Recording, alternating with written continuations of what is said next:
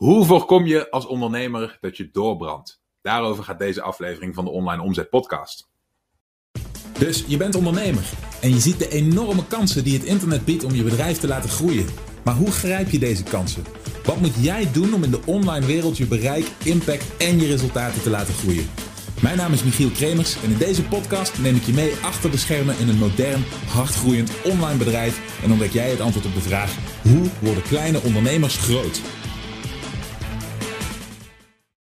Hallo, mijn naam is Michiel Kremers. Welkom bij weer een nieuwe aflevering van de Online Omzet Podcast. In deze aflevering een van mijn favoriete video's die ik graag met je wil gaan delen. Een tijdje geleden heb ik deze opgenomen voor een aantal van mijn deelnemers. En het gaat over hoe we als ondernemers de balans bewaren in ons leven tussen werken en ontspannen. En als je enigszins lijkt op mij en vele ondernemers om mij heen, dan worstel je hiermee. Ik denk zelfs dat de meeste echte ondernemers hier op enig moment tegenaan lopen. Want we zijn niet opgevoed als ondernemers, we zijn op een dag ondernemer geworden. We hebben dat gekozen zonder dat we hierin echt getraind zijn.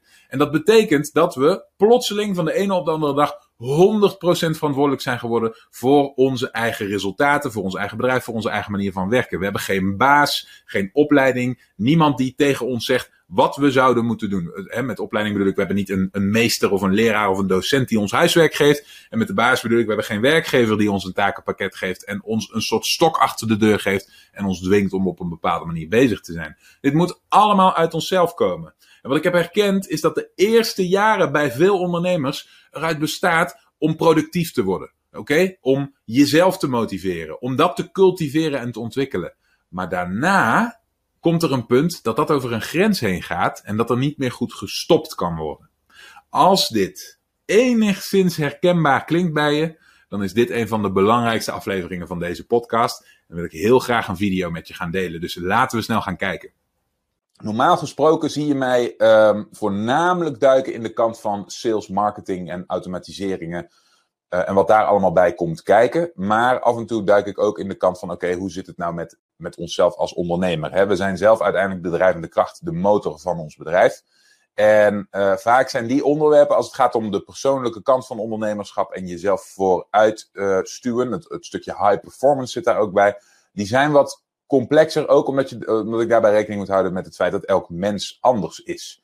Uh, vandaag gaat daarover. En uh, ik, ik, ben, ik heb mijn uiterste best gedaan mijn gedachten daarover op een rijtje te zetten. Want er is één onderwerp wat ik bij veel mensen, wat, wat ik veel mensen parten zie spelen. En dat zie ik eigenlijk al jaren gebeuren. En de reden dat ik het zie, is omdat ik het herken van mezelf. bij mij speelde één groot vraagstuk op het gebied van, van productiviteit en efficiëntie jarenlang. En ik heb uh, de afgelopen twee jaar of zo pas echt um, in de vingers wat nou dat probleem was en hoe je het oplost. Of in ieder geval hoe je het grotendeels oplost. Dus laten we daar direct mee beginnen. Even voor degenen die hier nog niet eerder bij aanwezig geweest zijn. Wat ik normaal gesproken doe, is ik trap af met een, eh, een dergelijk inhoudelijk stukje. En daarna duik ik in alle vragen, opmerkingen of twijfels die jullie hebben. Dus als je die uh, nog niet hebt gesteld, zorg ervoor dat je die paraat hebt. Die kunnen straks gewoon via de chat gesteld worden. Ik kijk ook nog eventjes in de community wat er zoal langs is gekomen. En ik kijk naar wat jullie zoal in hebben gestuurd. Dus geen zorgen, het komt zeker aan bod. Het punt waar ik het over wilde hebben is het volgende. Um, we kennen allemaal het beeld van de overwerkte, overstresste, ongezonde executive.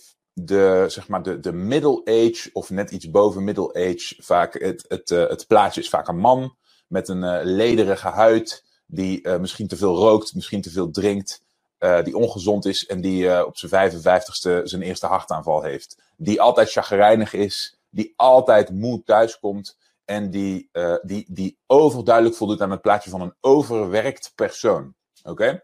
En altijd opgroeiende, hè, in, mijn, in mijn leven tot nu toe, altijd zag ik die persoon als een heel dom persoon. Ik dacht altijd bij mezelf, ja, dat doe je toch echt zelf. Dat is echt dom. Waarom zou je in vredesnaam jezelf zo overwerken? Waarom zou je zoveel bezig zijn met zoiets? Waarom zou je, als je, wijze van spreken, enige mate van succes hebt of je staat wat hoger op de ladder, niet gewoon rustiger aandoen? Wie dwingt jou domme, domme man. Oké, dat was mijn beeld. En toen, als ondernemer, kwam ik verder en verder in mijn eigen carrière en ging het steeds beter. En toen kwam ik achter iets vrij confronterends.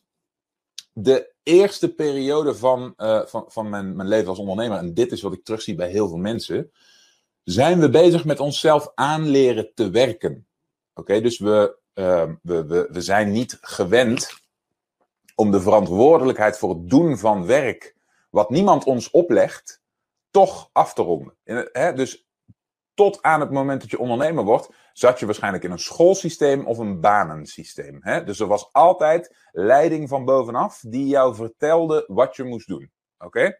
En vervolgens was de, uh, de, eindverantwoording voor dat werk bijna nooit helemaal van jou. Hè? Dus uh, men schoof wel verantwoordelijkheid op je af, maar de echte consequentie van het niet doen van werk, die voelde je eigenlijk niet. Zowel op scholen als in werkomgevingen. Oké? Vaak als er dan consequenties waren, dan waren die kunstmatig. Hè? Dus een laag cijfer halen op een school of een berisping van een leidinggevende in een werkomgeving.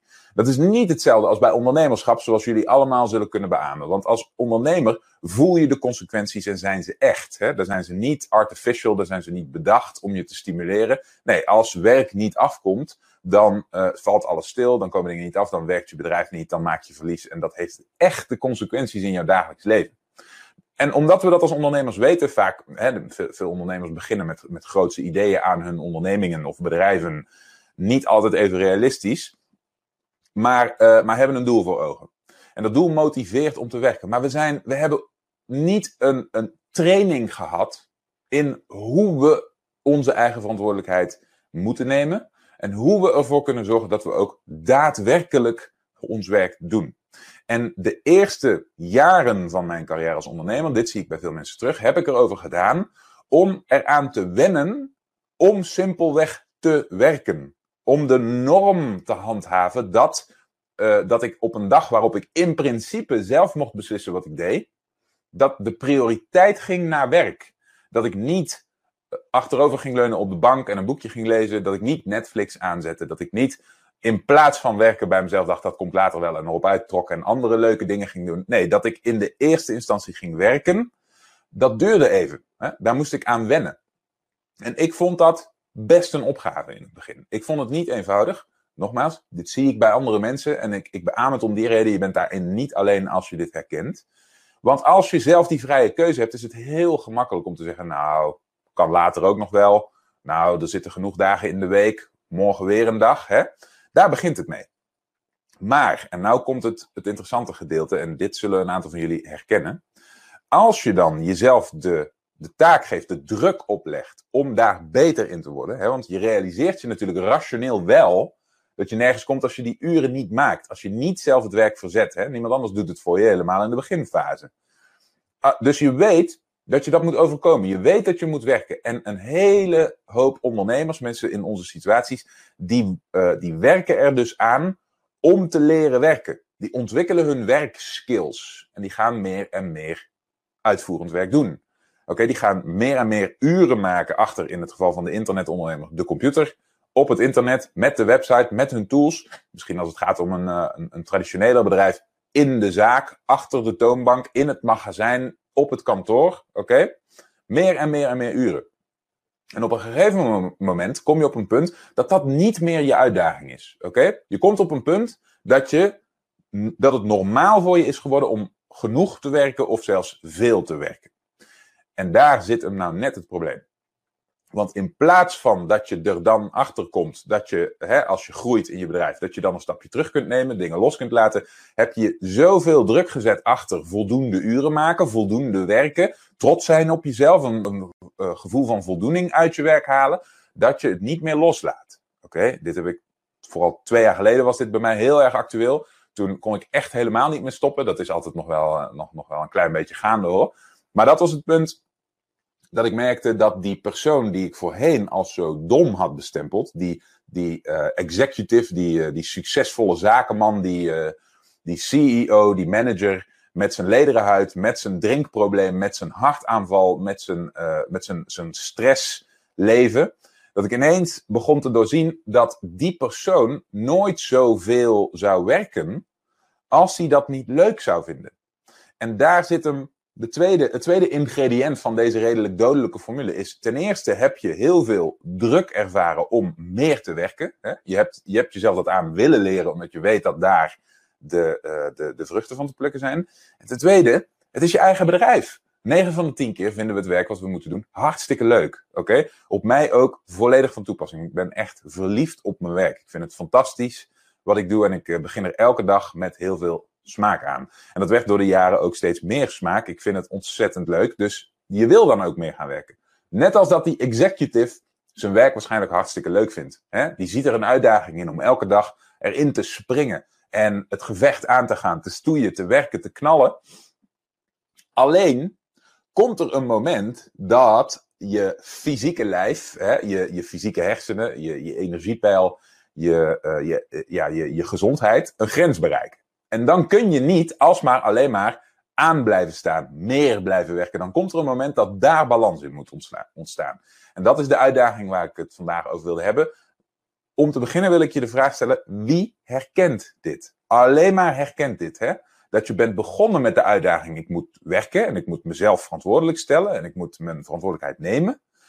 Dat je naar een punt toe bent gegroeid dat het juist andersom werd. Dat je het moeilijk begon te vinden om het werk juist los te laten. En om juist te ontspannen. Oké? Esther zegt wat herkenbaar. En Esther is vast niet de enige. Dat zou ik me niet kunnen voorstellen. Dus ik ben heel benieuwd wie dit herkent. Nele, oh ja, Nele ook. Ja, min of meer zegt Niels. En Rian ziet het bij haar man. Peter, zeer herkenbaar, al is de tijd nu ontspannend. Oké, dat, dat kan. Hè? Dat kan omdat we natuurlijk in een vreemde situatie zitten. Arthur, jij herkent het ook. Fons, heel herkenbaar. Goed, um, ik wist dat dit herkenbaar zou zijn, want ik zie het elke keer weer. Waar ik vandaag, Dirk, jij herkent dit ook. Uh, waar ik het vandaag, dat geeft me het, vertrouwen dat het onderwerp van vandaag een terecht is. Waar ik het vandaag over wil hebben, is een, een aantal punten die je hierbij kunnen helpen. Maria, jij bent nu tien jaar aan het herstellen. Moet je kijken, dan, uh, dan hebben we het over burn-out situatie. Overigens, de burn-out is natuurlijk de grens hiervan. Hè? Dus als je dit blijft doen, als je alleen maar meer en meer en meer en meer blijft doen, meer en meer en meer druk en je je fysieke grenzen voorbij gaat, dan is die burn-out is het eindstation. Oké? En als je pech hebt, erger dan dat. Oké? Als je pech hebt, wordt het nog uh, fysiek nog een stapje eroverheen. Dat is die, uh, die CEO die op zijn 55ste zijn eerste hartaanval krijgt. En dan geluk heeft dat hij daarna nog bestaat. Oké, dat, is, dat, is, dat, dat zeg ik natuurlijk niet om dramatisch te doen, want we kennen allemaal de voorbeelden. Hè? Dus dit is geen geintje. Het is ook een serieus onderwerp. Ik vind het ook onze tijd waard. Dus daar wil ik het even over gaan hebben. Er zijn een aantal punten die ik heb bestudeerd die dit probleem flink kunnen verbeteren en kunnen voorkomen. Ik doe mijn camera een beetje zo, zodat jullie het hele bord kunnen zien. Uh, ik heb het uh, grofweg verdeeld in drie, uh, drie stukjes. Zoals jullie zien ben, ik een enorm, zien ben ik een enorme kunstenaar. Dus je ziet hier dit prachtige gezicht en jullie zien hier dit ding. En ik, kom er zo direct bij wat dit is. In de tussentijd wil ik je graag de uitdaging meegeven om te raden wat, wat dit ding is.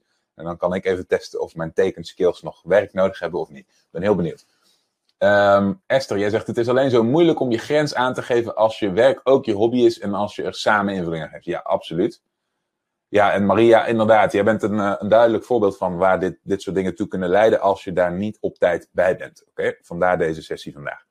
Um, laat me beginnen bij een. Wauw, Jolanda, geweldig. Ja. ja, lotusbloem, waterlelie. Nou, ik, ik, ik, ga, ik vind dit, dit vind ik geniaal. Ik hoef dus niet beter te tekenen dan dit. Dus dat zegt wel wat. Oké, okay, helemaal in de roos. Ik kom daar zo direct bij. Ik wil vandaag zo concreet mogelijke handvaten geven. Uh, de, de eerste waar ik bij begin is het gemakkelijkst uit te leggen, maar is niet minder belangrijk dan die, dan die overige twee. En dat, dat wil ik van tevoren gezegd hebben, want ik zie daar veel mensen ook weer de mist in gaan. De eerste is namelijk slaap. Oké? En bij slaap, daar zitten een paar haken en ogen aan. Dan, dan denk je, oh, daar komt hij weer. Want uh, dit, dit herhaalt Jan en Alleman. Elke, elke influencer, elke YouTuber, elke vlogger heeft het over, uh, over slaaphacks en dat soort dingen. Um, slaap, er, er zijn een aantal misconcepties over slaap gaan. En vooral in de wereld van ondernemerschap, zelfstandig ondernemerschap, uh, met alle businessboeken die er zijn, met alle influencers en goeroes die er zijn, uh, is, is het een, een relevant onderwerp. Want er is een stroming gaande die het stoer vindt en tof vindt om slaap in te leveren voor meer, uh, meer werkuren. Oké, er is een, een stroming gaande die zegt je moet om vier uur s'nachts opstaan of zo. Of je moet om half vijf opstaan en je moet je moet je werkdag er al op hebben zitten voor de zon helemaal op is. En al dit soort dingen. En nogmaals, ik wil niet zeggen dat niemand dat kan doen. Hè? Ik wil nooit iets voor een individu invullen. Maar het probleem hiervan is dat niet iedereen op dezelfde manier slaapt. En daar wil ik het over hebben. Het stukje slaap is heel belangrijk. Uh, pas twee, één of twee jaar geleden, voor, even kijken, vorig jaar is 2020. Ik denk dat het inmiddels twee jaar geleden is, is de grootste slaapstudie van de planeet afgerond.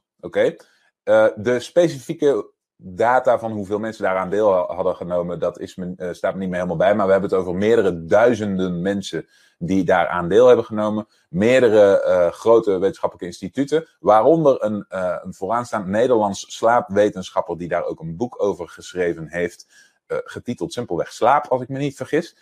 Um, die, daar, daaruit is nieuwe informatie gekomen waar men die echt vernieuwend was. Oftewel, wat mensen echt nog niet wisten. En een van, uh, een van die dingen is dat de grens van het minimum aan, gemiddeld minimum aantal uren slaap wat we nodig hebben naar boven is bijgesteld. Dus het gemiddelde uh, minimum wat men dacht dat een mens nodig had om uh, zo gezond mogelijk te functioneren, lag tussen de 6 en 7 uur per nacht. Oké? En dat is naar boven bijgesteld richting de 8. Het, dus, het is een komma-getal hè, en het is natuurlijk een gemiddelde, dus ook dit geldt niet voor het individu, maar wel voor de, voor de, uh, voor de grote massa. Oké? Dat betekent dat als je dit wel op jezelf projecteert en je slaapt structureel maar zes uur bijvoorbeeld, of je merkt als je heel realistisch bent dat je vaak maar zes uur uh, aan zes uur komt, dat je eigenlijk ver onder dat gemiddelde minimum zit. Het gemiddelde minimum richting de acht, oké, daar komen in de westerse uh, professionele wereld maar heel weinig mensen aan. En daar was ik een toonvoorbeeld van. Ik sliep structureel te weinig, eigenlijk elke nacht. Nou ben ik van, uh, van jongens af aan ook een hele slechte slaper. Maar dat daar gelaten, het had ook alles te maken met de druk die ik mezelf oplegde om op te staan. Oké, nou heb je twee soorten mensen. Je hebt ochtendmensen en avondmensen en ook dat is aangetoond in dit onderzoek. Dus het is niet een fabeltje dat je een ochtendmens bent of een avondmens. Oké, dat is echt aangetoond. En een avondmens, oké, komt minder gemakkelijk in slaap op de vroege avond dan een ochtendmens. Ochtendmens slaapt sneller en gemakkelijker. Oké, en wordt ook sneller en gemakkelijker wakker in de ochtend. En een avondmens is precies andersom. Een avondmens slaapt gemakkelijker laat in. Heeft minder moeite met wakker blijven. Als je het als, het als uitdagingen wil verwoorden. Heeft minder moeite met wakker blijven. Waar wakker blijven een uitdaging is voor het ochtendmens. En slaapt gemakkelijker door in de ochtend. Waar een ochtendmens ge, uh, moeilijker doorslaapt. Omdat ze gemakkelijker wakker worden. Oké, nou wat is nou de moraal van dit verhaal? De moraal van dit verhaal is als je het punt hebt bereikt dat je als ondernemer daadwerkelijk je eigen dagen mag indelen. Dat je daadwerkelijk uh, de vrijheid hebt om te bepalen hoe en wanneer je werkt. En je hebt die uh, golf achter je van jezelf pushen en uh, uh, jezelf dwingen om genoeg uren te maken en productief te zijn. En je mag eens een keer gaan nadenken over wat nu eigenlijk echt goed voor je is. Dat dan de eerste op je agenda moet zijn, is slaap ik genoeg? Oké? Wat betekent genoeg slapen? Zoals ik al zei, we hebben het over gemiddelde, over hele grote groepen mensen. Dus dat cijfer hoeft niet één op één op jou van toepassing te zijn. Genoeg slapen betekent vanzelf in slaap vallen en vanzelf wakker worden. Oké, dat is het meest voor de hand liggende. Voor de meeste mensen geldt dat het iets langer is dan ze vaak uh, gewend zijn van, van, van jongs af aan, omdat de samenleving heel erg gepusht heeft vanuit de industriële revolutie op een werkdag die vroeg begint en een werkdag die, uh, die rond een uur of vijf, zes eindigt. Oké? Dus dat betekent dat mensen vroeg naar bed gingen en vroeg op moesten. Oké? Dat is niet per se de gezondste vorm voor jou. Dus de uitdaging die ik bij je wil neerleggen, en dit is het eerste concrete punt. Ik zou je willen, willen uitdagen, willen stimuleren om dit komende week, hè, na het weekend of bijvoorbeeld vanaf dit weekend, voor jezelf eens te gaan testen. Is om naar bed te gaan als je daar behoefte aan krijgt geen wekker te zetten, dit een aantal dagen te doen en te kijken hoeveel uren je slaapt. En dan zul je erachter komen dat je waarschijnlijk net iets langer slaapt dan je misschien tot nu toe deed. Oké? Hou die, uh, die, dat gemiddelde van richting de acht uur in gedachten als norm en kijk in hoeverre je daaraan kunt komen. Als je dit structureel gaat doen, ik ben dit voor mezelf gaan doen zo, sinds een jaar of twee, dat ik, me, dat ik veel vergevingsgezinder ben geworden ten opzichte van mijn eigen slaap. Zoals ik al zei, ben ik een, avondmens, dus ik slaap gemakkelijker in de ochtend. Uh, maar dat wil niet zeggen dat ik, dat ik daar niet ook wel wat discipline op heb losgelaten. Dus wel enigszins op tijd naar bed. Oké? En daar dan structuur in aanbrengen. Maar niet jezelf dwingen met wekkers om veel te vroeg op te staan. Als je dan eigenlijk nog hondsmoe bent, nog niet uitgerust bent. Dat is wat je wil voorkomen. Oké? Probeer dat maar eens uit. Dat is punt 1. Dat is een van de grootste dingen die gaat voorkomen dat je over die grenzen heen gaat en dat je eindigt zoals die, die CEO, die manager met zijn, uh, met zijn hartaanval. Oké, dat is het eerste punt. Esther, jij zegt het is goed, ik breng de kids gewoon later naar school, want ik ben duidelijk een avondmens. Ja, nou ja, goed, nogmaals, ik heb geen gezin. Het gedeelte over het hebben van kinderen en daar verplichtingen voor hebben. Uh, ik, ik vind het altijd heel jammer om te zien dat dat systeem ook nog steeds geënt is op die industriële uh, samenleving. Die industriële revolutie, waarbij die kinderen naar school gebracht werden op het moment dat de ouders aan de gang moesten in de fabriek. Uh, heel jammer, heel, heel betreurenswaardig, maar wie weet kun je iets met je partner regelen om dat af te wisselen met elkaar. Er zijn vast oplossingen voor, maar uh, dit is mijn 10 cent, steek hem in je zak. Want als je te weinig slaap krijgt en je blijft jezelf die druk opleggen en dat gaat jaren en jaren door en stapelt zich op, dan is de kans op dat uh, dat, dat, dat op, op een manier eindigt die heel ongezond is voor je en risico's met meebrengt, is heel groot. Dat was punt 1. Het tweede punt waar ik het over wilde hebben, is um, die druk waar we het eerder al over hebben, waarbij je niet stopt, oké, waarbij je blijft werken, terwijl je wel de vrije keuze hebt om door te werken, oké. Dat heeft niet alleen te maken met wel of niet plezier hebben in je werk. Oké, de meeste van ons zullen best voldoende uh, plezier hebben in hun werk om veel uren te maken, maar zullen als ze op een gegeven moment echt te veel uren gaan maken, ik herkende dit bij mezelf met regelmaat, heus wel zoiets hebben van, oeh, eigenlijk zou ik al lang moeten stoppen. Wat ben ik nou toch aan het doen? Nou, wat heb ik nou gemerkt? Waar gaat het nou vaak fout? Het gaat vaak fout bij een gebrek aan planning, bij een gebrek aan strategisch denken. De gemakkelijkste verwoording die ik daarvoor heb is uitzoomen. Oké, wat gebeurt er? We beginnen onze dag, onze werkdag, of zelfs ons werkuur. Hè? Dus afhankelijk van welk moment het is. Dat kan straks na deze call zijn. Elke willekeurig moment beginnen we met een taak. En dat gebeurt vaak redelijk ad hoc.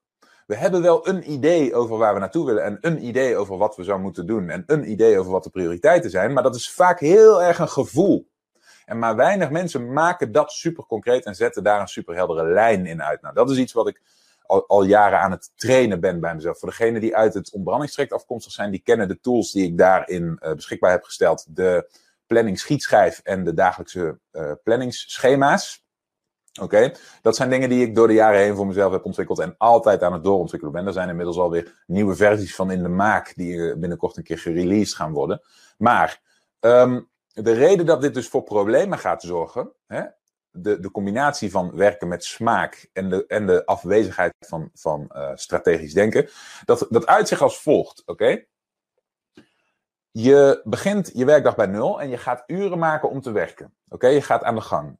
En gedurende, dat, gedurende de tijd voordat, hè, je bent gestimuleerd, je wil graag door en door en door, ga je op een gegeven moment over de grens heen van wat eigenlijk een normale werkdag zou moeten inhouden. Maar je blijft doorwerken, doorwerken, doorwerken. Dit vindt zijn oorsprong in dat als je ad hoc bent gaan werken, dat het eerste wat voor je ligt, de eerste gemakkelijke taken, de eerste dingen waarvan je weet dat je er je klauwen in kunt slaan, dat je er je in kunt vastbijten en dat je het af kunt ronden, vaak niet de prioriteitstaken zijn die jouw bedrijf of jouw onderneming verder brengen. Oké? Het zijn vaak niet de dingen waarvan anderen, derden in je omgeving, die ook helpen met, jou, met het bereik van je doelen, afhankelijk zijn. Het zijn vaak de gemakkelijkste, als je hierin ongeoefend bent, de gemakkelijkere chunks die we als eerste aanvallen. Hè? Even die inbox leegwerken. Even die blogpost schrijven. Even die, nou ja, noem nog eens zo'n voorbeeld. Hè? Zelden zijn het dingen als een langere tekst. Ik, ik refereer nu maar even aan het schrijven van een sales script, omdat dat een onderwerp is wat in deze Q&A's regelmatig langskomt. Het schrijven van een sales script, hè? het schrijven van een nieuw programma, hè? de hele inhoud daarvan. Dat zijn langere aaneengesloten, diepgaande projecten waarbij heel erg ver uh, vooruitgedacht moet worden en structureel gewerkt moet worden. En dat zijn meestal niet de eerste dingen die je doet. Dus ik, wat ik zelf doe, hè, dat wil ik je bij deze meegeven, ik geef mijn taken altijd een niveau, oké? Waarbij hoe uh, lager het cijfer, hoe hoger het niveau. In andere woorden, een L1-taak, dat is mijn belangrijkste taak. Een L2-taak is iets minder belangrijk en een L3-taak is eigenlijk niet belangrijk. Oké? Ehm, L staat voor level, by the way. Level 3 taken zijn eigenlijk degene die ik als laatste moet doen. En als mijn werkdag dan voorbij is en die zijn nog niet af, is dat niet erg. Dan sluit ik toch gewoon mijn computer af en dan stop ik ermee. Oké? Maar wat gebeurt er nu? En hier zit hem het probleem. We beginnen onze dag als we niet heel strategisch hebben nagedacht, als we niet hebben uitgezoomd, als we geen planning hebben gemaakt, als we niet langer dan die dag vooruit hebben gedacht, als we niet een planning voor een week, twee weken, maand, kwartaal, half jaar, jaar hebben gemaakt, oké? Dan hebben we de neiging om die dag te beginnen met wat voor onze neus ligt. Met iets wat in ons hoofd zit. Met iets wat toevallig langskomt. Dat noem ik een L3-taak, oké? Die liggen voor onze neus. Daar gaan we mee aan de gang. En voor je het weet, en dit herkent ongetwijfeld het merendeel van jullie, voor je het weet, zijn er twee uur voorbij. Oké? Twee uur verder ben je. En die, die tijd, die twee uren zijn verloren gegaan, voor je gevoel. Die zijn gegaan naar e-mail. Die zijn gegaan naar, naar, naar scannen en naar shit voor de Belastingdienst doen. En naar je boekhouding en naar al die dingen. Maar niet naar jouw lange termijn vooruitgang. Oké? Dit zullen veel mensen herkennen. En het voelt misschien niet eens als verloren gegaan, want je voelt je misschien wel hartstikke productief. Maar de realiteit is dat hetgene waarvan jij weet, waarvan jij strategisch hebt nagedacht, waarvan je hebt beslist dat het je helpt naar je doelen, dat dat niet gebeurd is. Daar heb je nog niet aan gewerkt. En de tijd vordert, oké? De dag uh, wordt later. De, de, de day grows late. En op een gegeven moment is het vier uur. Oké? Vier uur is het moment dat je je dag eigenlijk langzaamaan zou moeten gaan afronden. Vier uur tot vijf uur, tot zes uur, dan moet het toch onderhand wel een beetje klaar zijn. Oké? Maar jij hebt je die uren, hè, nogmaals, die vliegen voorbij, heb je je bezig gehouden met level 3 taken. En dan begint de spanning. Dan begint de unease. Dan begint de stress. Want je weet diep van binnen wel dat het niet helemaal de juiste dingen zijn. Alleen als je daar niet strategisch over hebt nagedacht, is het soms moeilijk om daar je vinger op te leggen. En ineens realiseer je je dan dat je morgen een afspraak hebt waar je allerlei voorbereidingen voor had moeten dienen die nog moeten gebeuren. Dat al dagen iemand op een document van je wacht. Oké? Dat je een deadline voor jezelf had gesteld ergens begin volgende week, maar je aan dat project nog niet begonnen bent. Oké? Dit is wat ik bedoel. Dan stijgt, de, sorry, dan, uh, dan verloopt de dag, het wordt later op de dag, je hebt je met level 3 taken bezig gehouden, want de tijd vliegt en de tijd vliegt voorbij. En dan ineens realiseer je dat die level 2 en die level 1 taken er nog liggen. Maar die zijn niet zo gemakkelijk even aan te pakken. Daar sla je niet even je klauwen in, want dat zijn grote projecten. Dus wat zie je dan? In plaats van dat je dan nog even een half uurtje kunt werken aan zo'n taak, zie je het fout gaan. Dan gaat er nog een hele tweede werkdag beginnen, omdat je die dingen af moet gaan maken, omdat je de diepte in moet. Oké? En voor je het weet is het 6 uur, 7 uur, 8 uur, 9 uur, 10 uur s'avonds. En heb je een 12-urige werkdag achter de rug. Oké? Dit is de essentie van dat probleem. Nou, is het niet erg om een keer 10 uur te werken, of zelfs 12 uur te werken? Ik doe het regelmatig. Maar je kunt het niet structureel blijven doen. Je kunt niet dag in dag uit op deze manier te werk gaan. Je kunt niet elke dag tot 10 uur s'avonds zonder pauzes aan één stuk door zitten te werken. Zoals ik dus wel deed in die periode. En waar ik ook bijna door, uh, door neerviel, zeg maar. En dit zullen een aantal van jullie ongetwijfeld kennen.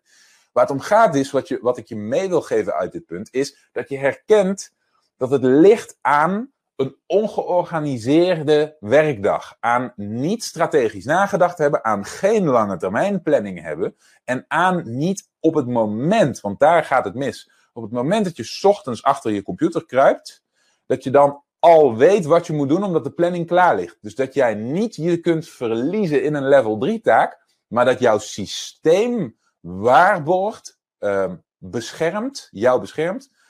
Eh, en waarborgt dat je aan de juiste dingen werkt. Oké, Dat je altijd begint met je meest belangrijke taak. Oké, Dat daar jouw meest frisse en energieke uren ingaan aan het begin van de dag. En dat je na twee tot vier uur die belangrijkste level 1 en level 2 taken hebt gedaan. En dan kun je eens na gaan denken: Goh, moeten er ook nog wat level 3 dingen doorheen gejast worden vandaag? En die doe je daarna. Maar ze heten niet voor niets level 3. Ze heten niet voor niets. En, en, level 1 en level 2 heten niet voor niets prioriteit. Oké? En dit draaien we vaak om. Daar beginnen de problemen.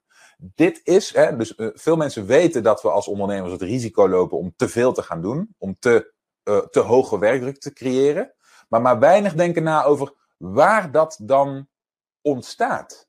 Oké, waarom dat dan gebeurt. Het is niet alleen maar een karaktereigenschap. Oké, hier ligt die essentie. Dus de reden dat je, als je nu kijkt naar veel business gurus en business coaches, de reden dat je die altijd hoort over planners en over planningen voor de lange termijn en over structuur en over de doelen stellen enzovoorts enzovoorts. De reden daarvoor, of ze het nu zelf in de gaten hebben of niet, is om ervoor te zorgen dat dit niet gebeurt. Oké? Is om ervoor te zorgen dat deze L3's veranderen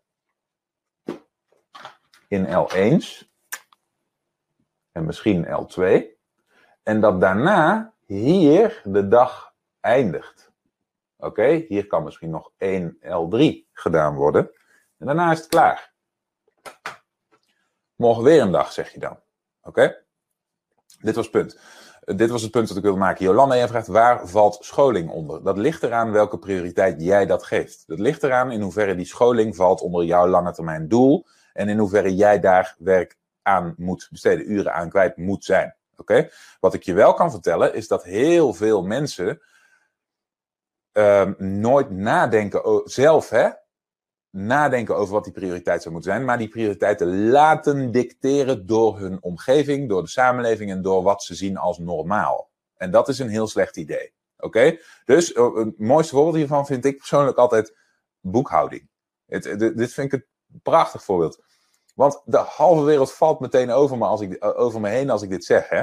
Want ja, boekhouden is toch verplicht en zonder belasting krijg je boetes. En, en voor je het weet krijg je allemaal enge blauwe enveloppen enzovoort, enzovoort. Ja, dat is allemaal wel leuk en aardig en waar. Maar ben jij ondernemer geworden om altijd je belasting op tijd te betalen en een geweldige boekhouding te maken? Oftewel, ben jij ondernemer geworden om de prijs te winnen wie de beste boekhouding heeft? Of ben je ondernemer geworden voor een hoger doel dan dat? Natuurlijk moet je boekhouden. Natuurlijk moet je dat goed doen. Maar moet het je level 1 taak zijn? Oftewel, moet jij, als je erachter komt dat je boekhouding misschien nog niet helemaal in orde is, moet jij dan taken die bijdragen aan jouw hogere doel overboord flikkeren? En dan een week, een week hè, wat, wat ik mensen zie doen, spenderen aan boekhouding? Nee, hell no. Dat moet je dus nooit doen. Dus als dat betekent dat je een keer je uh, belasting te laat betaalt en daar een boete voor riskeert, uh, nou ja, laat ik het zo zeggen. Als je een keer je belasting te laat betaalt, dan vraag je daar uitstel voor aan. Oké? En als het dan nog steeds verkeerd gaat, dan stuur je een, een brief naar die belastinginspecteur inspecteur, en dan leg je je situatie uit. En dat begrijpen ze hoor. Dus dit is een heel concreet voorbeeld. Hè? Maar wat ik, wat ik, ik zie hetzelfde verhaal zie ik met, oh, sta ik wel op die en die uh, website met uh, branchegenoten. En oh, iemand belt mij over dat ik een uh, goedkoper zakelijk energiepakket kan krijgen. En Ziggo of, uh, of KPN zegt dat ik misschien mijn internet moet oversluiten. En wat ga je dan doen? Dan denk je, oh ja, ik ben ondernemer. Dus zakelijk internetpakket afsluiten. Oh, zakelijke telefonie afsluiten. En wat doe je dan? Dan ga je een uur zitten bellen met Ziggo of KPN. Oké? Dat bedoel ik. Dat probleem. En belasting is, is misschien iets concreter, want daar stoppen mensen snel meer uren in. Maar dat soort dingen, oké, die zijn het probleem. Um, Peter, jij zegt het al, ook dat structureren. Ja, precies. Dat is het punt. Oké, dus, dus het eerste punt om te voorkomen dat jij die gestreste CEO wordt die op zijn 55ste omvalt door een hartaanval. Oké, eerste punt daarbij is je slaap bewaken. Oké, het tweede punt daarbij is je werkdag bewaken en te structureren in uh, hoge prioriteit taken en lagere prioriteit taken. Dat begint bij lange termijn denken. Dat begint bij denken, waar wil ik naartoe met mijn bedrijf en wat zijn de stapjes om daar te komen Welk stapje ligt het dichtste bij waar ik nu ben? En hoe bereik ik dat eerste stapje? Dat is hoe je structureert. Daarover later een andere keer meer. En dan kom ik nu bij het derde punt. Niels, je zegt, ik ben nu het boekje op jou aanraden, The One Thing, aan het lezen. Dat is erg helpend. Ja, dat is, uh, dat is, dat is een geweldig boek. The One Thing is overigens een aanrader van Robert Jan. Uh, mijn, uh, mijn, mijn aanrader, mijn favoriet is Deep Work. En die, die twee liggen heel dicht bij elkaar hoor. Dus het is niet gek dat, dat Robert Jan en ik allebei een vergelijkbare favoriet hebben. Maar het gaat er inderdaad om dat je focust. Dat je de diepte ingaat en dat je eigenlijk die level 1 taak alle voorrang geeft op al die zooi daarna. Dat is hoe je vooruit komt als ondernemer. Oké? Die andere dingen niet. En dan het derde punt van vandaag, om die, die, dat geweldige kunst. Ik ben zo trots erop hè, dat jullie dit meteen wisten. Um, ja, die lotusbloem. Het, was het, uh, het, het punt wat ik wil maken is meditatie ik heb het er één keer eerder over gehad tijdens een, een, eh, een QA-sessie, dat is lang geleden. En ik vond het er de hoogste tijd voor. Want, dit zie ik bij, uh, dit, dit, zie ik vaker gebeuren. Je hebt twee soorten mensen. Mensen die, uh, die, die zeg maar heel goed gaan op alles wat niet tastbaar, niet concreet, niet wetenschappelijk is, maar meer spiritueel en gevoelsmatig. Dat zijn vaak mensen die zich daar, langs die weg ook vaker uitdrukken. Die spreken meer over gevoel, over emotie, over, uh, ja, en, en, en vaak ook over, over wat minder tastbare concepten zoals energie of uh, vaak ook religie zit daar ook vaak in. Dat soort dingen. En je hebt mensen die, uh, die laten zich meer leiden door, door, door wetenschap, feit, tastbaar en concreet. Oké? Ik, ik wil hier geen waardeoordeel over uitspreken. Want daarin ben je helemaal vrij. En ik heb niet meer of minder respect voor de ene of de andere. Waar het om gaat is dat meditatie een reputatie heeft die heel erg past bij die lotusbloem. Oké? Dat mensen die, uh, die meer neigen naar dat concrete, dat meer wetenschappelijke, dat gebaseerde op feiten, daar hoor ik overigens bij. Die hebben de neiging om dit soort dingen snel uh, af te schuiven en minder prioriteit te geven. Oké? En ik zou willen zeggen dat dat in veel gevallen misschien niet helemaal onterecht is, maar meditatie is daar op, op dat vlak wat mij betreft een uitzondering. Meditatie, um, naast alle minder tastbare manieren om daar uitleg aan te geven, heeft ook een aantal hele concrete, hele wetenschappelijke, bewezen, aangetoonde effecten. Waarom vind ik dit nu zo belangrijk en waarom vind ik dit de derde pijler van dit verhaal? Hè, van het voorkomen dat je die, uh, die, die persoon wordt die overwerkt raakt, burnt out raakt, het niet volhoudt en een minder leuk leven krijgt door zijn onderneming in plaats van een leukere leven en een langer en een gezonder leven door zijn onderneming. Uh, dat is dit punt. Want wanneer je uh, werkt en je wil je, je hoogste prioriteit taken als eerste vervullen. Hè, en je wil dus de diepte in. Hè, dus neem weer even dat the one thing en deep work als, uh, als, als pijlers. En je wil dat gaan doen. Oké, dan is het heel belangrijk dat je je voor langere periodes achter elkaar kunt concentreren op één enkele, vaak complexe, uitdagende taak. Oké? En dat is een eigenschap, een skill, die we in de maatschappij van vandaag de dag aan het verliezen zijn. Niet vanwege onze eigen toedoen, of niet, niet vanwege onze eigen vrije wil. Dit is een, een neveneffect van de snelheid van informatie, van de ontwikkeling van smartphones, van de toegankelijkheid van internet. Dat we continu bereikbaar zijn, dat er continu prikkels en informatie onze kant op kunnen komen. En die krijgen vaak prioriteiten als we dat niet bewaken. Dus deze smartphone, die kan aan door piepjes geven, die kan oplichten, die kan berichten tonen aan me en die kan mij de mogelijkheid geven om iets anders te doen dan bijvoorbeeld de diepte in te gaan met een document of een, uh, een stuk output of een product. En nu gaat bijvoorbeeld mijn wekker, dat is er een heel goed voorbeeld van. Um, wat we moeten doen, oké, om dit te voorkomen, is we moeten het langer aaneengesloten de diepte in te gaan, moeten we trainen. En dat is wat meditatie doet. Het traint je brein om afleiding niet toe te staan. Oké, Om afleiding niet, te, niet uit te bannen, want het is er, hoor. Het piepje van de telefoon zal er altijd zijn. Uh, dat er buiten iemand lawaai begint te maken naast je huis of kantoor, zal er altijd zijn. Dat iemand op je deur klopt op het moment dat je dat niet had voorzien, zal er altijd zijn. En dat je, uh, uh, dat je, nou ja, goed, dat er een externe factor je uit je concentratie haalt, dat zal altijd gebeuren. Oké? Dus dat is niet iets wat je kunt voorkomen. Dat is wel vele maten meer gaande in de huidige samenleving dan voorheen. Oké, nou, wat is nou de, de verbinding van meditatie daarbij? Op het moment dat je mediteert, oefen je in essentie om ervoor te zorgen dat op het moment dat een gedachte binnenkomt, je die niet je staat laat veranderen. En dat gaat niet vanzelf. Dat is iets wat je moet trainen. En dat, zullen, dat zal iedereen die ooit gemediteerd heeft, wat nou ook je achterliggende beweegreden daarvoor was, zal dat herkennen. Hè? Je doet je ogen dicht, of misschien niet eens dicht, maar je gaat uh, rustig zitten. Uh, of dit nou uh, in een prachtige lotushouding is of gewoon recht op een stoel zoals ik dat doe.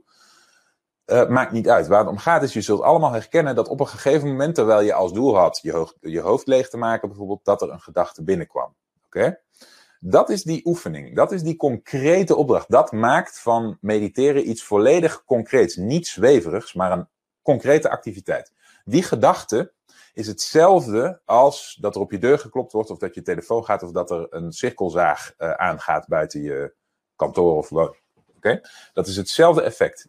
Die gedachte, wil aandacht. Die gedachte wil een prioriteit krijgen. Die wil dat jij je daarmee bezig gaat houden. Dat is het doel. En jij oefent om dat niet te doen. Dus een gedachte komt binnen. Jij sluit hem weer buiten.